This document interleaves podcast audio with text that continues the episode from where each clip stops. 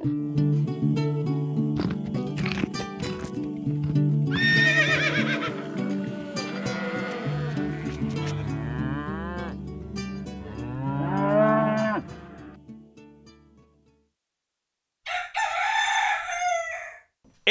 podcast! Njeti sleti kratjebuka! Hei! Og velkommen til gjengen vår Pludrekast! Hva, hva var det der eh, for noe? Jeg vet ikke helt. Nei. Det var eh, et øyeblikks inspirasjon. Ja. Mm. God søndag. Mandag, tirsdag, onsdag, torsdag, fredag, lørdag. Ja. Vi sitter på terrassen som vanlig og har en litt treg start her. Det blir flott. Jeg vet, ja, jeg, vet, jeg vet liksom ikke helt hva jeg skal skyte inn der. Nei. Hei, folkens. Du har så hyggelig at, uh, Ja, så veldig hyggelig at du hører på. Nå prøvde jeg å hoppe inn i det her. Ja, Yes. Du har vært på tur. eh, ja, jeg har vært på tur. Jeg har vært på fjelltur. Ja, jeg sendte deg av gårde. Ja, jeg lot gå være går og uh, mann være mann. Og så lot jeg deg eh, håndtere et marked i denne helgen alene, mens det jeg stakk av til fjells. Det gjorde du. Og det eh, var lurt, tror jeg. Um, vi lever jo et liv hvor det kan gå eh, stokk over stein i eh, fokus. Og det å eh, Jo, men altså, jeg tenker at det er ikke nødvendigvis arbeid, selve arbeidstimene. over stein i fokus. Jo, jo, men det er ikke nødvendigvis arbeidstimene. Men det er Ja, hodet Ja, som spinner. Ja, alt man har å tenke på. Ja. Mm, ja. Det, det er det verste. Så eh, det å komme seg litt vekk og få tenkt på noe helt annet, det er gull verdt. Mm. Hadde ikke mobildekning, jeg. Det var veldig fint. Og jeg ble så glad når jeg forsto det.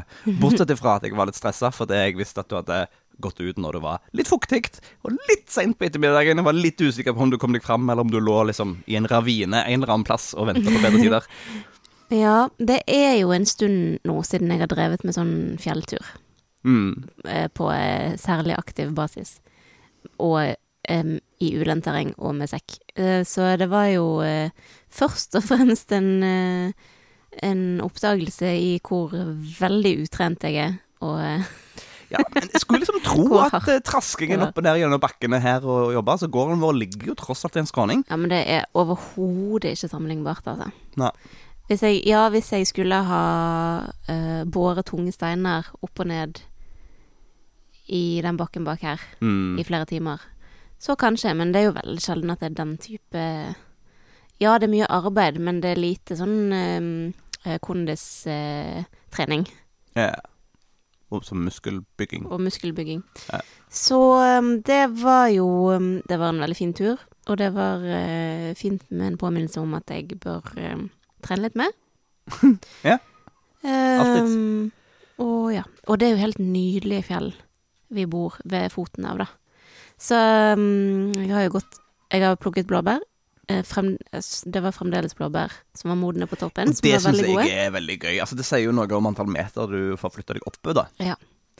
Og jeg har gått gjennom eh, masse nydelig landskap med masse flotte heier og beiteområder hvor jeg har sett for meg seteren vår og kyrne våre som Mm. gresser i fjellsiden. Veldig praktisk. Veldig idyllisk. Veldig idyllisk. Ja. idyllisk. Mm, så Ja. det har jeg gjort. Det har du gjort. Mm. Jeg har uh, jobba livet av meg uh, på fredagen for å gjøre klart alle produktene. All sånn sånt em emballering og uh, merkelapper og eh, høsting av eh, kål og agurker og vanning og prepping og styring for å gjøre klart dette markedet ute Ja. på Os, som var på lørdagen. Eh, og eh, hvis vi skulle ha telt timer i det prosjektet, så gikk vi nok i minus. Men eh, vi tjente nå litt penger, da. Og Ja. fikk vist oss fram, og det var veldig hyggelig, som jo er òg viktig. Nå er jo dette litt sånn eksperiment for oss. Vi har Nå um, blir det vel tre markeder denne høsten som vi skal delta på. Som vi vet om foreløpig. som vi vet om foreløpig. Um, og så, vi, så det er jo en erfaring å se hvordan det å dra på marked kan sammenlignes med Reko i Mm. inntjening.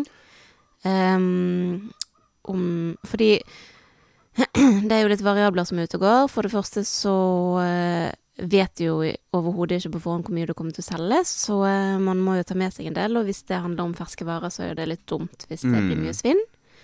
Og så eh, er det jo arbeidstimene som går med når man står der, ehm, som eh, er mye mindre effektivt enn Reko, hvor du bare møter opp den ene halvtimen, og så smukk leverer du ut varen din, og så reiser du videre. Men som du sier, så kan det hende at den synligheten og de møtene vi får, de kontaktene vi får med folk på markedet, er, har en merverdi, da. Fordi man rekker jo ikke å snakke så veldig mye med folk på Reko. Nei, det er en stor forskjell, altså. Reko er liksom Hei, jeg er meg. Ja, vær så god, her er varene dine. Ha det. Mm. Eh, Stort sett. Og så av og til er det litt jabbing. Mens på uh, markedet så var det eh, mye jabbing. Mm. Eh, og da var det òg mye jabbing med folk som ikke kjøpte noen ting i det hele tatt. Og noen som endte opp med å være sånn Ja, jeg må jo nesten kjøpe noe, da, før jeg går. eh, så nesten eh, tror jeg jeg endte opp med å kjøpe noe fordi de hadde stått og jabba så lenge. Ja. Skyldfølelse, kjøp. Ja, rett og slett.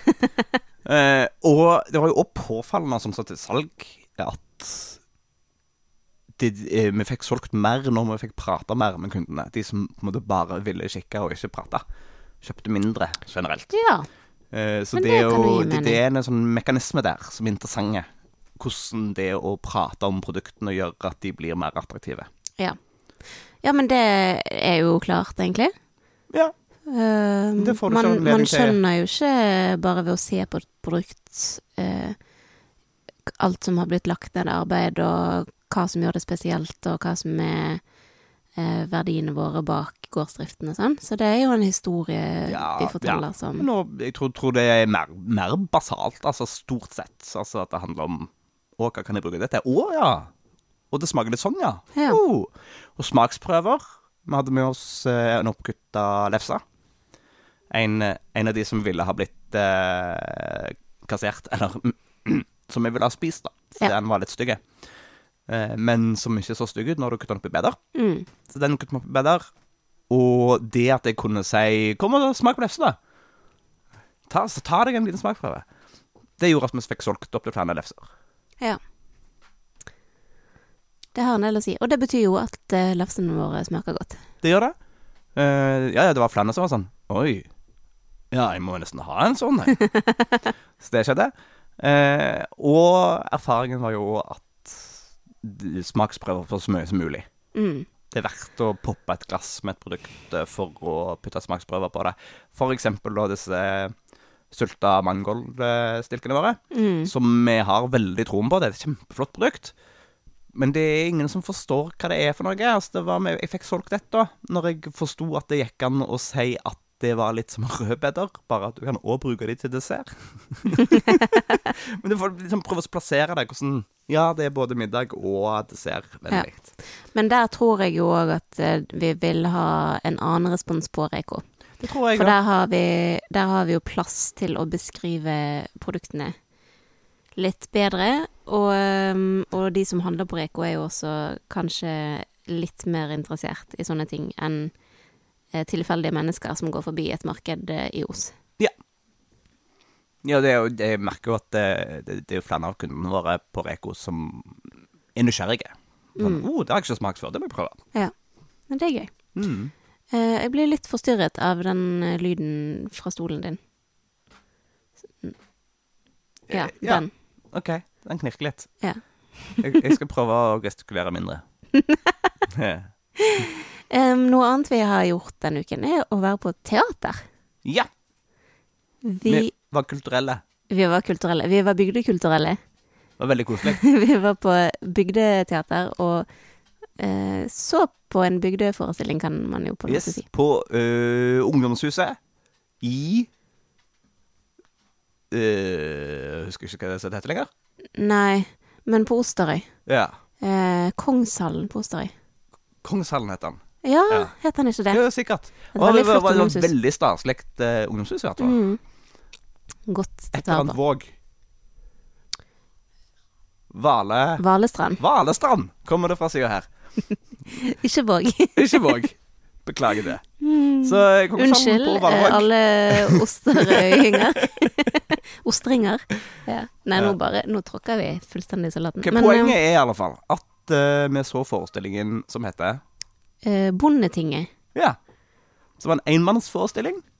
Ja. Stakkars mann som skulle huske all den teksten. Han prata i uh, to timer Mm, det gjorde han faktisk. og spilte tolv pluss roller med forskjellige forskjellige dialekter. Mm. Uh, og var ganske god på det. Um, jeg må jo gi honnør til Teater Vestland, som faktisk setter opp et stykke som det her. Ja, Det var Et- smale greier, kan vi jo si. Et dokuteater kalte de det. Uh. Og uh, spørsmålet de ville eh, gre ut, var jo hvorfor um, Hvorfor ni av ti bønder har forsvunnet siden krigen. Altså på 70 år i Norge. Og eh, ikke minst, hvem er det som har hatt en finger med i spillet for at den utviklingen skulle bli sånn? mm. Um, og det er jo et uh, kjempestort og viktig spørsmål, men um, sånn landbrukspolitisk eh, nerding kan man jo ikke akkurat si at det er populisme-tema nummer én, da. Nei, det er veldig smalt. Eh, men, men jeg tror på en måte at du trenger ikke å være veldig spesielt interessert for å synes at forestillingen er interessant. Nei? For jeg, de klarte å pakke inn veld, veldig mye historisk informasjon på en måte som var mm, fengende, da. Mm. Til tross for alle disse ordene. Ja. Og det den forestillingen kanskje først og fremst viser, er jo um, egentlig i hvilken grad bondeorganisasjonen Bondelaget sjøl har vært med å bidra til den utviklingen. Ja. Han, altså, det er jo ingen tvil om at denne forestillingen hadde noe de ville si. Ja. Den var tydelig Eh, politisk. veldig politisk. Og eh, det var òg veldig tydelig at den var veldig vel researcha. Mm, Sånn at eh, fortellingen var troverdig Og eh, lett, ja, lett å tro på. Ja. Um, men samtidig så skal en jo alltid være litt forsiktig, tenker jeg. Kanskje det? Uh, når, når en får liksom servert alt fra tilsynelatende én side. Ja, men er det en Ja, altså um, Det de har gjort, er jo at de har hatt uh, en del intervjuer med Helge Bergo, som um, var uh, en veldig viktig stemme, en opprørsstemme i landbruket i flere tiår. Eh, han var vel Han var med i Bondelaget først, eh, og så eh, etter hvert så etter at han, har, etter at han hadde deltatt en del i, i sentrale møter i Bondelaget og skjønt hva for en politikk de faktisk fremmet, så eh, byttet han over til Småbrukerlaget. Og til slutt så meldte han vel seg ut av Småbrukerlaget òg i protest, og Mm. ga opp eh, organisering. organisasjonslivet. Mm. Han mistet veldig troen. Um, og, eh, men det han eh, reagerte på, var jo den tankegangen som Bondelaget hadde om at man eh, må legge ned bruk for at de som blir igjen, skal kunne bli lønnsomme. Mm. Han var jo mot den der massenedleggingen. Og det er jo interessant som han um, for, har fortalt, da, og som han kanskje har skrevet om i bøkene sine, det vet jeg ikke, at Når var det? Allerede på 60-tallet en gang så møtte han sentrale folkebondelaget som sa at de måtte kutte ned drastisk på antall gård til ja, rundt ca. 40 000. På det tidspunktet så var det vel 100 og 140 eller noe sånt. Mm. Ehm, og det sa de ganske tydelig så tidlig. Ja, Det, ja, og det store uh, dissonansen for han handla vel litt om at uh, det i formålsparagrafen til Bondelaget står Sto i hvert fall. Jeg vil tro det kanskje fremdeles står. Mm. At de skal jobbe for den, den lille og mellomstore bonden. Eller der omkring. Ja, eller de skal, de skal fremme interessene til eh, alle som lever av eller føler seg tilknyttet til landbruket. Ja. Mens det da i, i Som liksom det blir Det er veldig tydelig fra tidlig av i forestillingen, men, liksom utover, men det må underbygges gang på gang på gang på gang eh, med en sånn historisk eh, eh, gjenfortelling opp gjennom flere tider.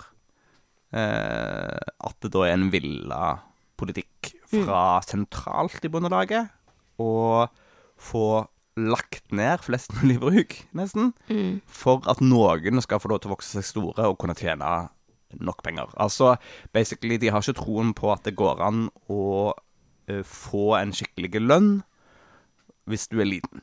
Nei. Og det, den store tragedien der er jo, som han sjøl sa, og som eh, sikkert mange andre kjenner seg igjen i, er jo at, at eh, mange på grasroten i Bondelaget da jobbet hardt for å rekruttere medlemmer eh, til det som de da tenkte var, var den store fellesorganisasjonen som skulle kjempe for alle bønder. Mm. Og så eh, samtidig så eh, viser det seg da at, at det som var målet, var å egentlig gjøre sånn at veldig, veldig, veldig mange av de medlemmene ikke skulle kunne drive lenger. Mm. Men det er, jo, det er jo litt sånn den opplevelsen vi får òg, er det ikke det? Når vi ser på masse av disse diskusjonene i eh, spesielt sosiale medier, men òg diverse kronikker, leserbrev og sånne ting i mediene generelt, eh, hvor det er en masse bønder Og dette er jo litt sånn brannfakkelmodus, eh, beklager. Jeg håper ingen blir sure på meg nå. Men at det er masse bønder da som, som eh, eh, På ene sida er, er, føler seg tilknytta bondeopprøret. Altså sier tydelig fra at ting er ikke sånn som det skal være. Mm. Eh, Men på den andre sida fremdeles eh, stemmer på Arbeiderpartiet eller Senterpartiet og er medlemmer av Bondelaget. Mm. eh, Fordi de tror at det er de organisasjonene som vil de best. Ja. Mens det er nettopp de organisasjonene som ikke vil fikse det de vil. Det er jo i hvert fall de organisasjonene som har vært hovedarkitektene bak den politikken som fremdeles føres i dag. Og nå har vi jo kuttet ned ja, 90% av bondestyrken. Nå er det under 40 000 bønder igjen. Mm. Og fremdeles har vi jo Fremdeles har ikke vi oppnådd eh, en rettferdig lønn for bonden. Det er faktisk Det, det er jo, Det er jo verre, verre Jam- stilt for bønder nå enn det det var på 60-tallet. ja, Hva var det begrepet? Ja, Jam- jamstillingsvedtaket til Stortinget, Ja. det er, jo, det er jo et veldig interessant vedtak, fordi det som bondeopprøret kjemper for nå, det er jo ikke noe nytt. Allerede på 70-tallet så vedtok da altså Stortinget at bønder skulle få lik lønn som 67, tror jeg det var. Det bare Det var Såpass tidlig, Ja, ja. var det ikke det? Jeg syns jeg husker det 67 65 kommer det fra sidelinjen her. Vi har eh, husnissen som sitter der borte og sufflerer. um, men da, da ble det i hvert fall vedtatt at, eh, at bønder skulle ha lik eh, lønn som industriarbeidere. Ehm, og det er det jo fremdeles mange som på en måte Det er en frase som går igjen, da. Fremdeles, i dag. Mm. Så da var jo et samlet storting enige om at, eh, at bøndene trenger å få eh, en bedre lønn.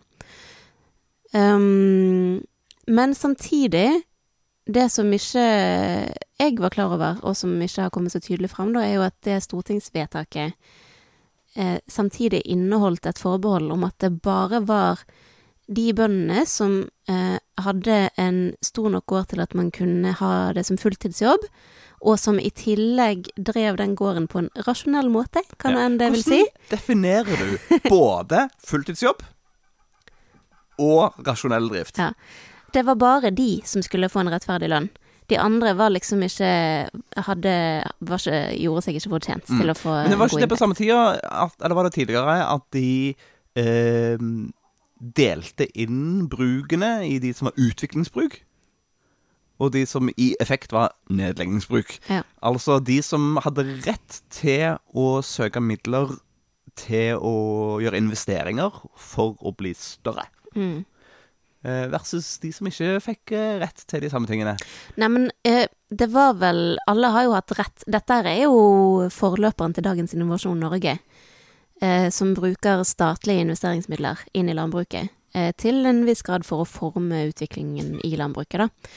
Eh, og alle kunne jo søke, for så vidt. Men eh, de som kvalifiserte til å få støtte, var jo de som var villige til å investere i større fjøs, og en større produksjon enn det de hadde fra før. Mm. Eh, og veldig ofte så var det en forutsetning at, eh, at folk skulle produsere mer enn det de hadde grunnlag for på arealet på sin egen gård. Sånn at i effekt så har staten gått aktivt inn og eh, bedt bønder bli eh, større enn det gården har grunnlag for. Ja. Nå må vi snakke litt grann om eh, målpris og eh, den eh, eh, tredemølle, tredemølleeffekten. Ja, um, Fordi et av kravene til bondeopprøret er jo høyere målpris. Er det ikke det? Jeg har bomma helt nå. Nei, jeg har ikke det. Jeg er ganske sikker på at de ber om høyere målpris. Mens eh, i eh, Bondetinget, altså det stykket nå, så, så beskrev han eh, dette prinsippet om, om tredemølleprinsippet. Eh, og hvordan det egentlig henger sammen med høyere Ja, alt um, Det som er en nøkkel her til å forstå, forstå det hele, er jo det at um, landbruks... Eller markedet for landbruksvarer er relativt gitt. Folk spiser omtrent så og så mye mat hver dag. Og det er ikke sånn at, eh, at vi plutselig får mye større etterspørsel i markedet enn det det har vært. Med mindre man radikalt endrer folks forbruksmønster, da.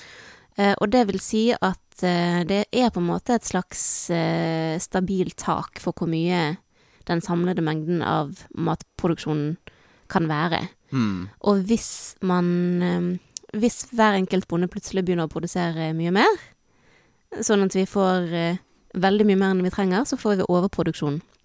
Ja. Og det er noe av det som, som markedsaktørene og som samvirkene frykter aller mest, fordi da da stuper jo plutselig prisene. Og det er det som vi har sett på sau. Sauenæringen de siste årene. Ja. At, at eh, sauebønder nesten har blitt nødt til å betale for å, for å bli kvitt kjøttet fordi at det har vært så lave priser. Mm. Fordi det ja, Noen vil jo si at det er overproduksjon, men samtidig så henger dette sammen med import, og hvor bra importvernet er. For samtidig som norske sauebønder ikke får penger for sauene sine, så eh, importerer vi ganske mye sau.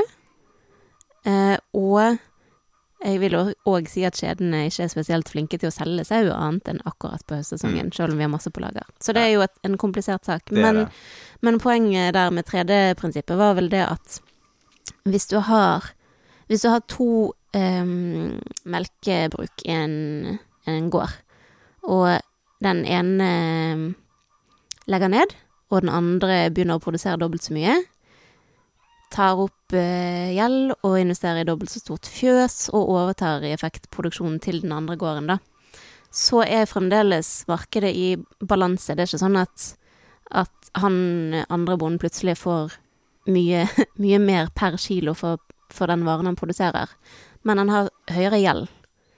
Sånn at han har egentlig mye mer utgifter da, enn det han hadde før. Mm. Eh, og hvis da eh, hvis vi får flere bønder som satser stort og produserer mer enn det de gjorde før, eh, sånn som vi har hatt nå, da, så har det jo i effekten samme produksjonen og noen, ja, kanskje til og med litt overproduksjon, da, som Ja, gjør at det- prisene aldri tar seg opp. Det ikke sant. Det var jo den andre mekanismen som de snakket om i dette stykket. Var jo at hvis du da har to bønder med seks kyr hver, han ene oppskalerer til tolv Mm, og investerer mer for å så kunne levere mer, så blir det plutselig overproduksjon. mm, Prisene går ned. Han som hadde seks, eller han som fordeles har seks, får ikke nok til å fortsette å drive. Han må legge ned. mm, Han andre får fremdeles ikke betalt mer enn når han hadde sex, mm. eh, men har dobbelt så mye gjeld. Og det er sånn bøndene i Norge må løpe fortere og fortere. Ja. Og få dårligere betalt. Eh, Men så, så var det jo òg et argument der om at hvis man bare hever prisene, så vil det jo bli mye mer lønnsomt for bønder å produsere, og da vil de produsere mye mer. Og da Mm. har vi igjen det samme pro problemet da, med overproduksjon. Så det er liksom ikke, det er ikke så rett fram hvordan vi skal løse dette her. Nei, men det Ja og nei. For det er jo det som vi har snakket om tidligere, at uh, vi må slutte å å eh, ha så mye fokus på volumproduksjon. Mm. Um, og det er så mange mekanismer i systemet i dag som, som oppfordrer og presser bønder til å produsere mer og mer og mer. Så, man um, får puljetillegg for å ha Ja. mange dyr man sender til slakt, og, og man eh, Og det der eh, Hva heter det for noe? De eh, En relativt liten ting, da, men som irriterer meg, er det at eh, Du vet, alle bønder får jo produksjonstilskudd. Eh, som, som da er en, et samlebegrep for de fleste av de subsidiene eller tilskuddene som bønder får for det de produserer. Men ehm, alle bønder blir òg trukket uh, 6000 kroner. Det er liksom en sånn lav um, minste, altså, ja, du, Minstebeløp. du, må ha, eh, du må ha nok produksjon til å være berettiga Ja, noe, ikke sant. basically. Så egentlig så, så sier staten at ok, du får så og så mange penger for så mange sauer og så mange kyr og så mye areal, men så tar vi 6000 av de tilbake igjen. De får du ikke. Ja. Bare for å stimulere deg til å være stor. Ja, ja, for tanken, ja. Men du, du skal jo ikke ha himla mye produksjon før du er over det. Men samtidig så tar du jo da på en måte å, straffe de minste. Ja, og det er jo Og så symbolpolitikk, da. eh, har jo da eh, enkelte regjeringer tatt og så heva taket i andre enden, sånn at du straffer de minste og gir de største muligheten til å få mer. Ja, og for hver bonde som blir kjempesvær, så er det jo fem eh, andre bønder som må legge ned. Ja. Um, men nå jeg mistet tråden litt. Jo, ja. Fordi eh, vekk fra, vekk fra volumfokus, eh, det jeg var inne på. Mm. Og da er jo alternativet å, å støtte eller belønne bonden for andre ting, da. For eh, at man holder areal i drift. eh, Og for at man skjøtter kulturlandskap, og for at man f.eks. driver med seter, selv om det ikke egentlig er økonomisk rasjonelt. og alt Mm. sånt som dette her. Det er jo det som bør være staten sin oppgave. Å støtte opp om alle de tingene. Så, men så bør òg Jeg mener jo fremdeles at prisene bør opp. For de er jo relativt sett mye lavere nå Ja, ja, sammenlignet med folk sin lønn og sammenlignet med kostnadsnivået enn det de var på 60-tallet. Så det burde Ja. Sant? Og det, det vil jo òg mm, mm. Vi har for god råd. Sant? Så generelt sett så overforbruker vi jo alt. Og det involverer jo inkluderer jo maten vår. Mm. Eh, og det er litt dritt å si det, altså. Fordi jeg er himla glad i kaffe og sjokolade og ost. Eh, men dette er jo varer som burde være enda dyrere enn de er. Ja. Eh, Men det, de subsidiene eller de tilskuddene som staten bruker på landbruk, er jo i stor grad en eh, forbrukertilskudd. Så de bidrar til å holde prisene på mat nede til folket. mm, Og det tror jeg jo òg til en viss grad eh, var hensikten. um, for de tilskuddene kom vel ikke egentlig før etter krigen. Og etter krigen så var det snakk om å bygge landet, og landbruket skulle effektiviseres fordi det var behov for flere folk i byene som kunne jobbe, og samtidig så var det veldig viktig å sikre befolkningen nok mat. Så der fikk staten inn og subsidierte de bøndene som var igjen, sånn at man skulle være sikker på at vi hadde tilgang til mat som folk hadde råd til. mm. ja, ja, altså det, det, er ikke, det er jo ikke som om liksom, ting har skjedd fordi noen er onde. Det har jo som regel vært gode grunner til alle stegene her. Ja. Det er bare at det kanskje ikke er så lurt til. på lang sikt. Nei. Og det er jo nå, da, når vi er der som vi er nå, så syns jo jeg at spesielt Bondelaget bør erkjenne at det har ikke funket. Altså slagordet deres har vært færre, men sterkere, og vi har ni Altså, ni av ti bønder har blitt borte. Vi har blitt drastisk færre bønder, men vi er svakere enn det vi var før. Eh, og da er det liksom hvor, hvor, hvor tid er det de liksom tenker at den effektiviseringsgevinsten skal slå inn, da? For til og med i dette jordbruksoppgjøret så var et av premissene at man skulle fortsette å effektivisere. Det vil si fortsette å Mm. legge ned bønder. Og det var i Bondelaget sitt krav. Ja, og, og vi må hoppe tilbake til Stortinget, for Stortinget har jo eh, satt noen eh, Gjentatte ganger satt noen eh, premisser og krav og ønsker om hva jordbruket skal gjøre. Mm. Eh, og de involverer at de skal være over hele landet. Eh, at det skal være stort og smått og eh, var variert. Eh, og at en skal fø Norge så godt som mulig. Mm. Um, og så gang på gang da, så har det på en måte blitt nok en gang befesta. Dette er det vi driver med. Og gang på gang så har det blitt delegert hvordan å gjøre det til eh, Bondelaget. Forhandlingsinstituttet. Eh, ikke sant? Avtalepartene. Ja. Eh, som er de da som helst vil at det ikke skal skje, sånn som Stortinget vil. Eh, og så har det blitt fucka opp gang på gang, da. Mm. Det, men her er det jo mye Her er det jo mange forskjellige meninger og mange forskjellige folk som vil ulike, ulike ting inni her.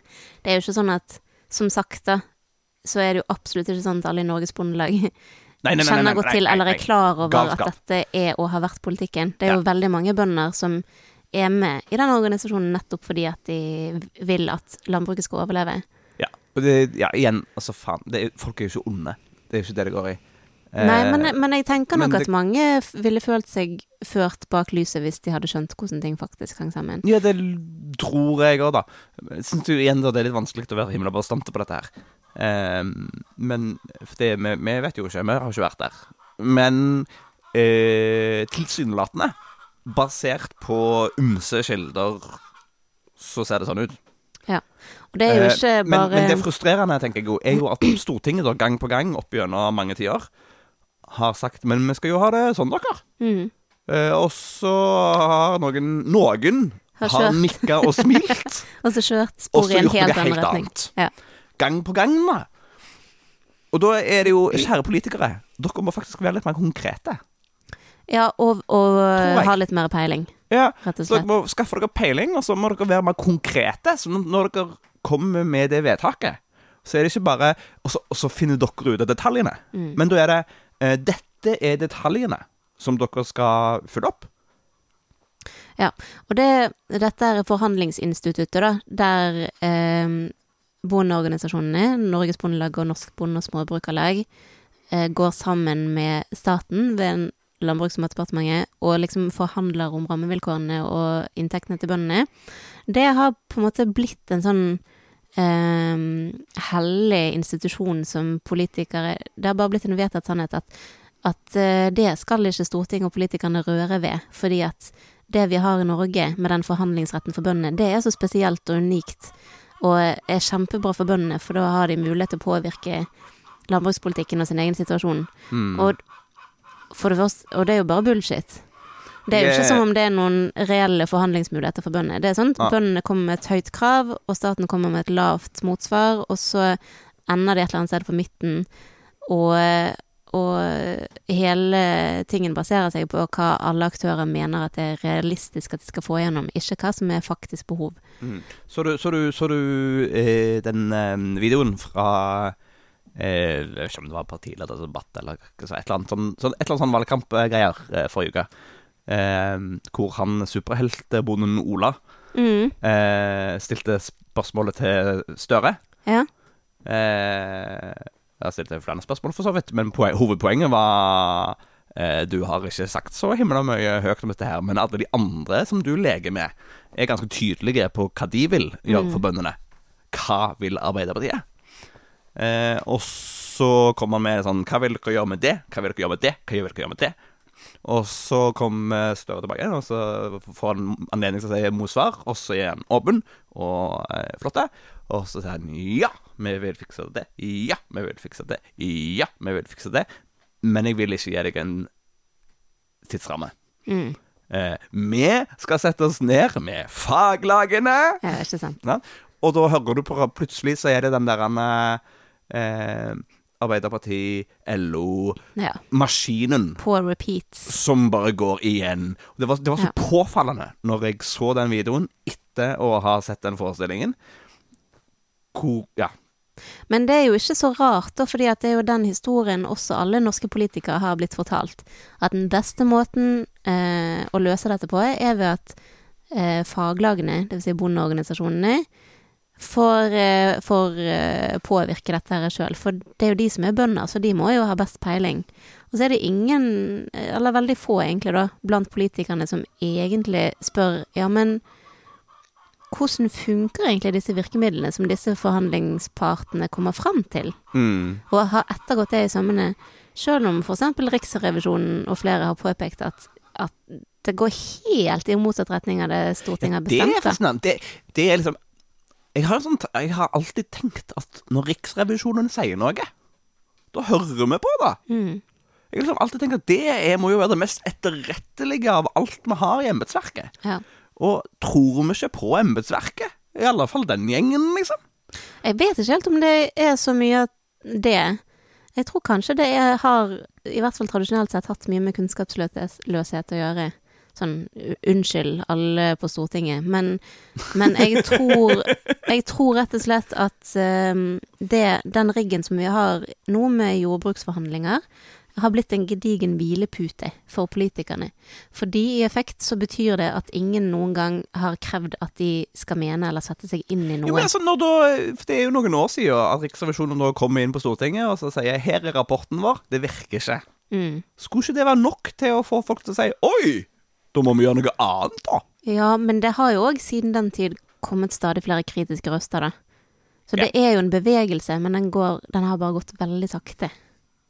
Men alt Men, Ja. grunn, men ehm, det at vi snakker om det nå, det at dette teaterstykket kom, det at bondeopprøret har kommet, og alle disse her tingene her, er jo, er jo et sakte snøskred som er en konsekvens av alt det som flere av oss har ropt varsko om i mange år. Ja, La oss håpe at eh, momentumet holder seg. Ja. Men det som eh, jeg syns er gøy, da, for å liksom se på noe positivt, er jo det at em, nå er det flere partier som, er, som har begynt å skjønne dette, og som har vært konkrete, og som har, og som har vedtatt ny, skikkelig, skikkelig bra landbrukspolitikk. Um, og der er jo SV det beste, faktisk. Ja. De har gjort en Uten jobb tvil. og satt seg ned og snakket og gjort masse research og snakket med mange bønder. Og satt seg inn i hvordan dette faktisk funker. Og så har de kommet med konkrete, gode forslag for å få oss inn på et helt nytt spor. Mm. Og det er den typen politikk vi trenger, da. Ja, så da snakker vi om eh, flere gårder i bruk. Flere bygder som overlever eller får gjen, blir gjenoppliva. Ja. Høyere matforsyning. Mm. Høyere selvforsyningsgrad. Ja. Eh, Og bedre inntekter til bøndene, mer bruk av utmarksressurser, og konkret på hvilke tilskuddsordninger sånn som de vil justere for å få den effekten de ønsker. Mm. Og det er jo veien vi må gå. Og jeg håper, jeg håper at de får mange stemmer, og jeg håper at det er flere også i de andre partiene som begynner å, begynner å sette seg inn i det og Ja. utforme litt mer konkrete krav, fordi det er måten man Man kan aldri få en utvikling med mindre man vet hva man ber om.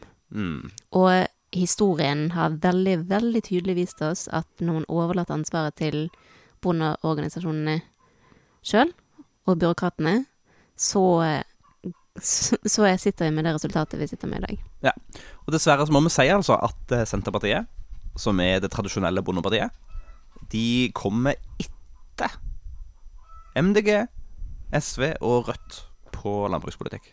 Ja. Men det er jo heller ikke så rart, egentlig. Tradisjonelt sett har det jo vært veldig sterke bånd mellom Senterpartiet og Bondelaget. Og Senterpartiet har eh, veldig lenge ligget på den samme linjen med at det skal bli ja, det skal bli lønnsomt for heltidsbonden, dvs. Si at bønder må bli større, og, og andre må legge ned. Og det skal effektiviseres og rasjonaliseres, og, og det viktigste fokuset har vært på produksjon uavhengig av ressursgrunnlag og uavhengig av hvor mye importert soya man trenger for å få den produksjonen. Sånn at de òg har jo kjørt seg fast litt i et spor som det er veldig vanskelig å komme ut av. Og det er derfor jeg tror at det er så viktig med de alternative stemmene som kommer utenfra det etablerte.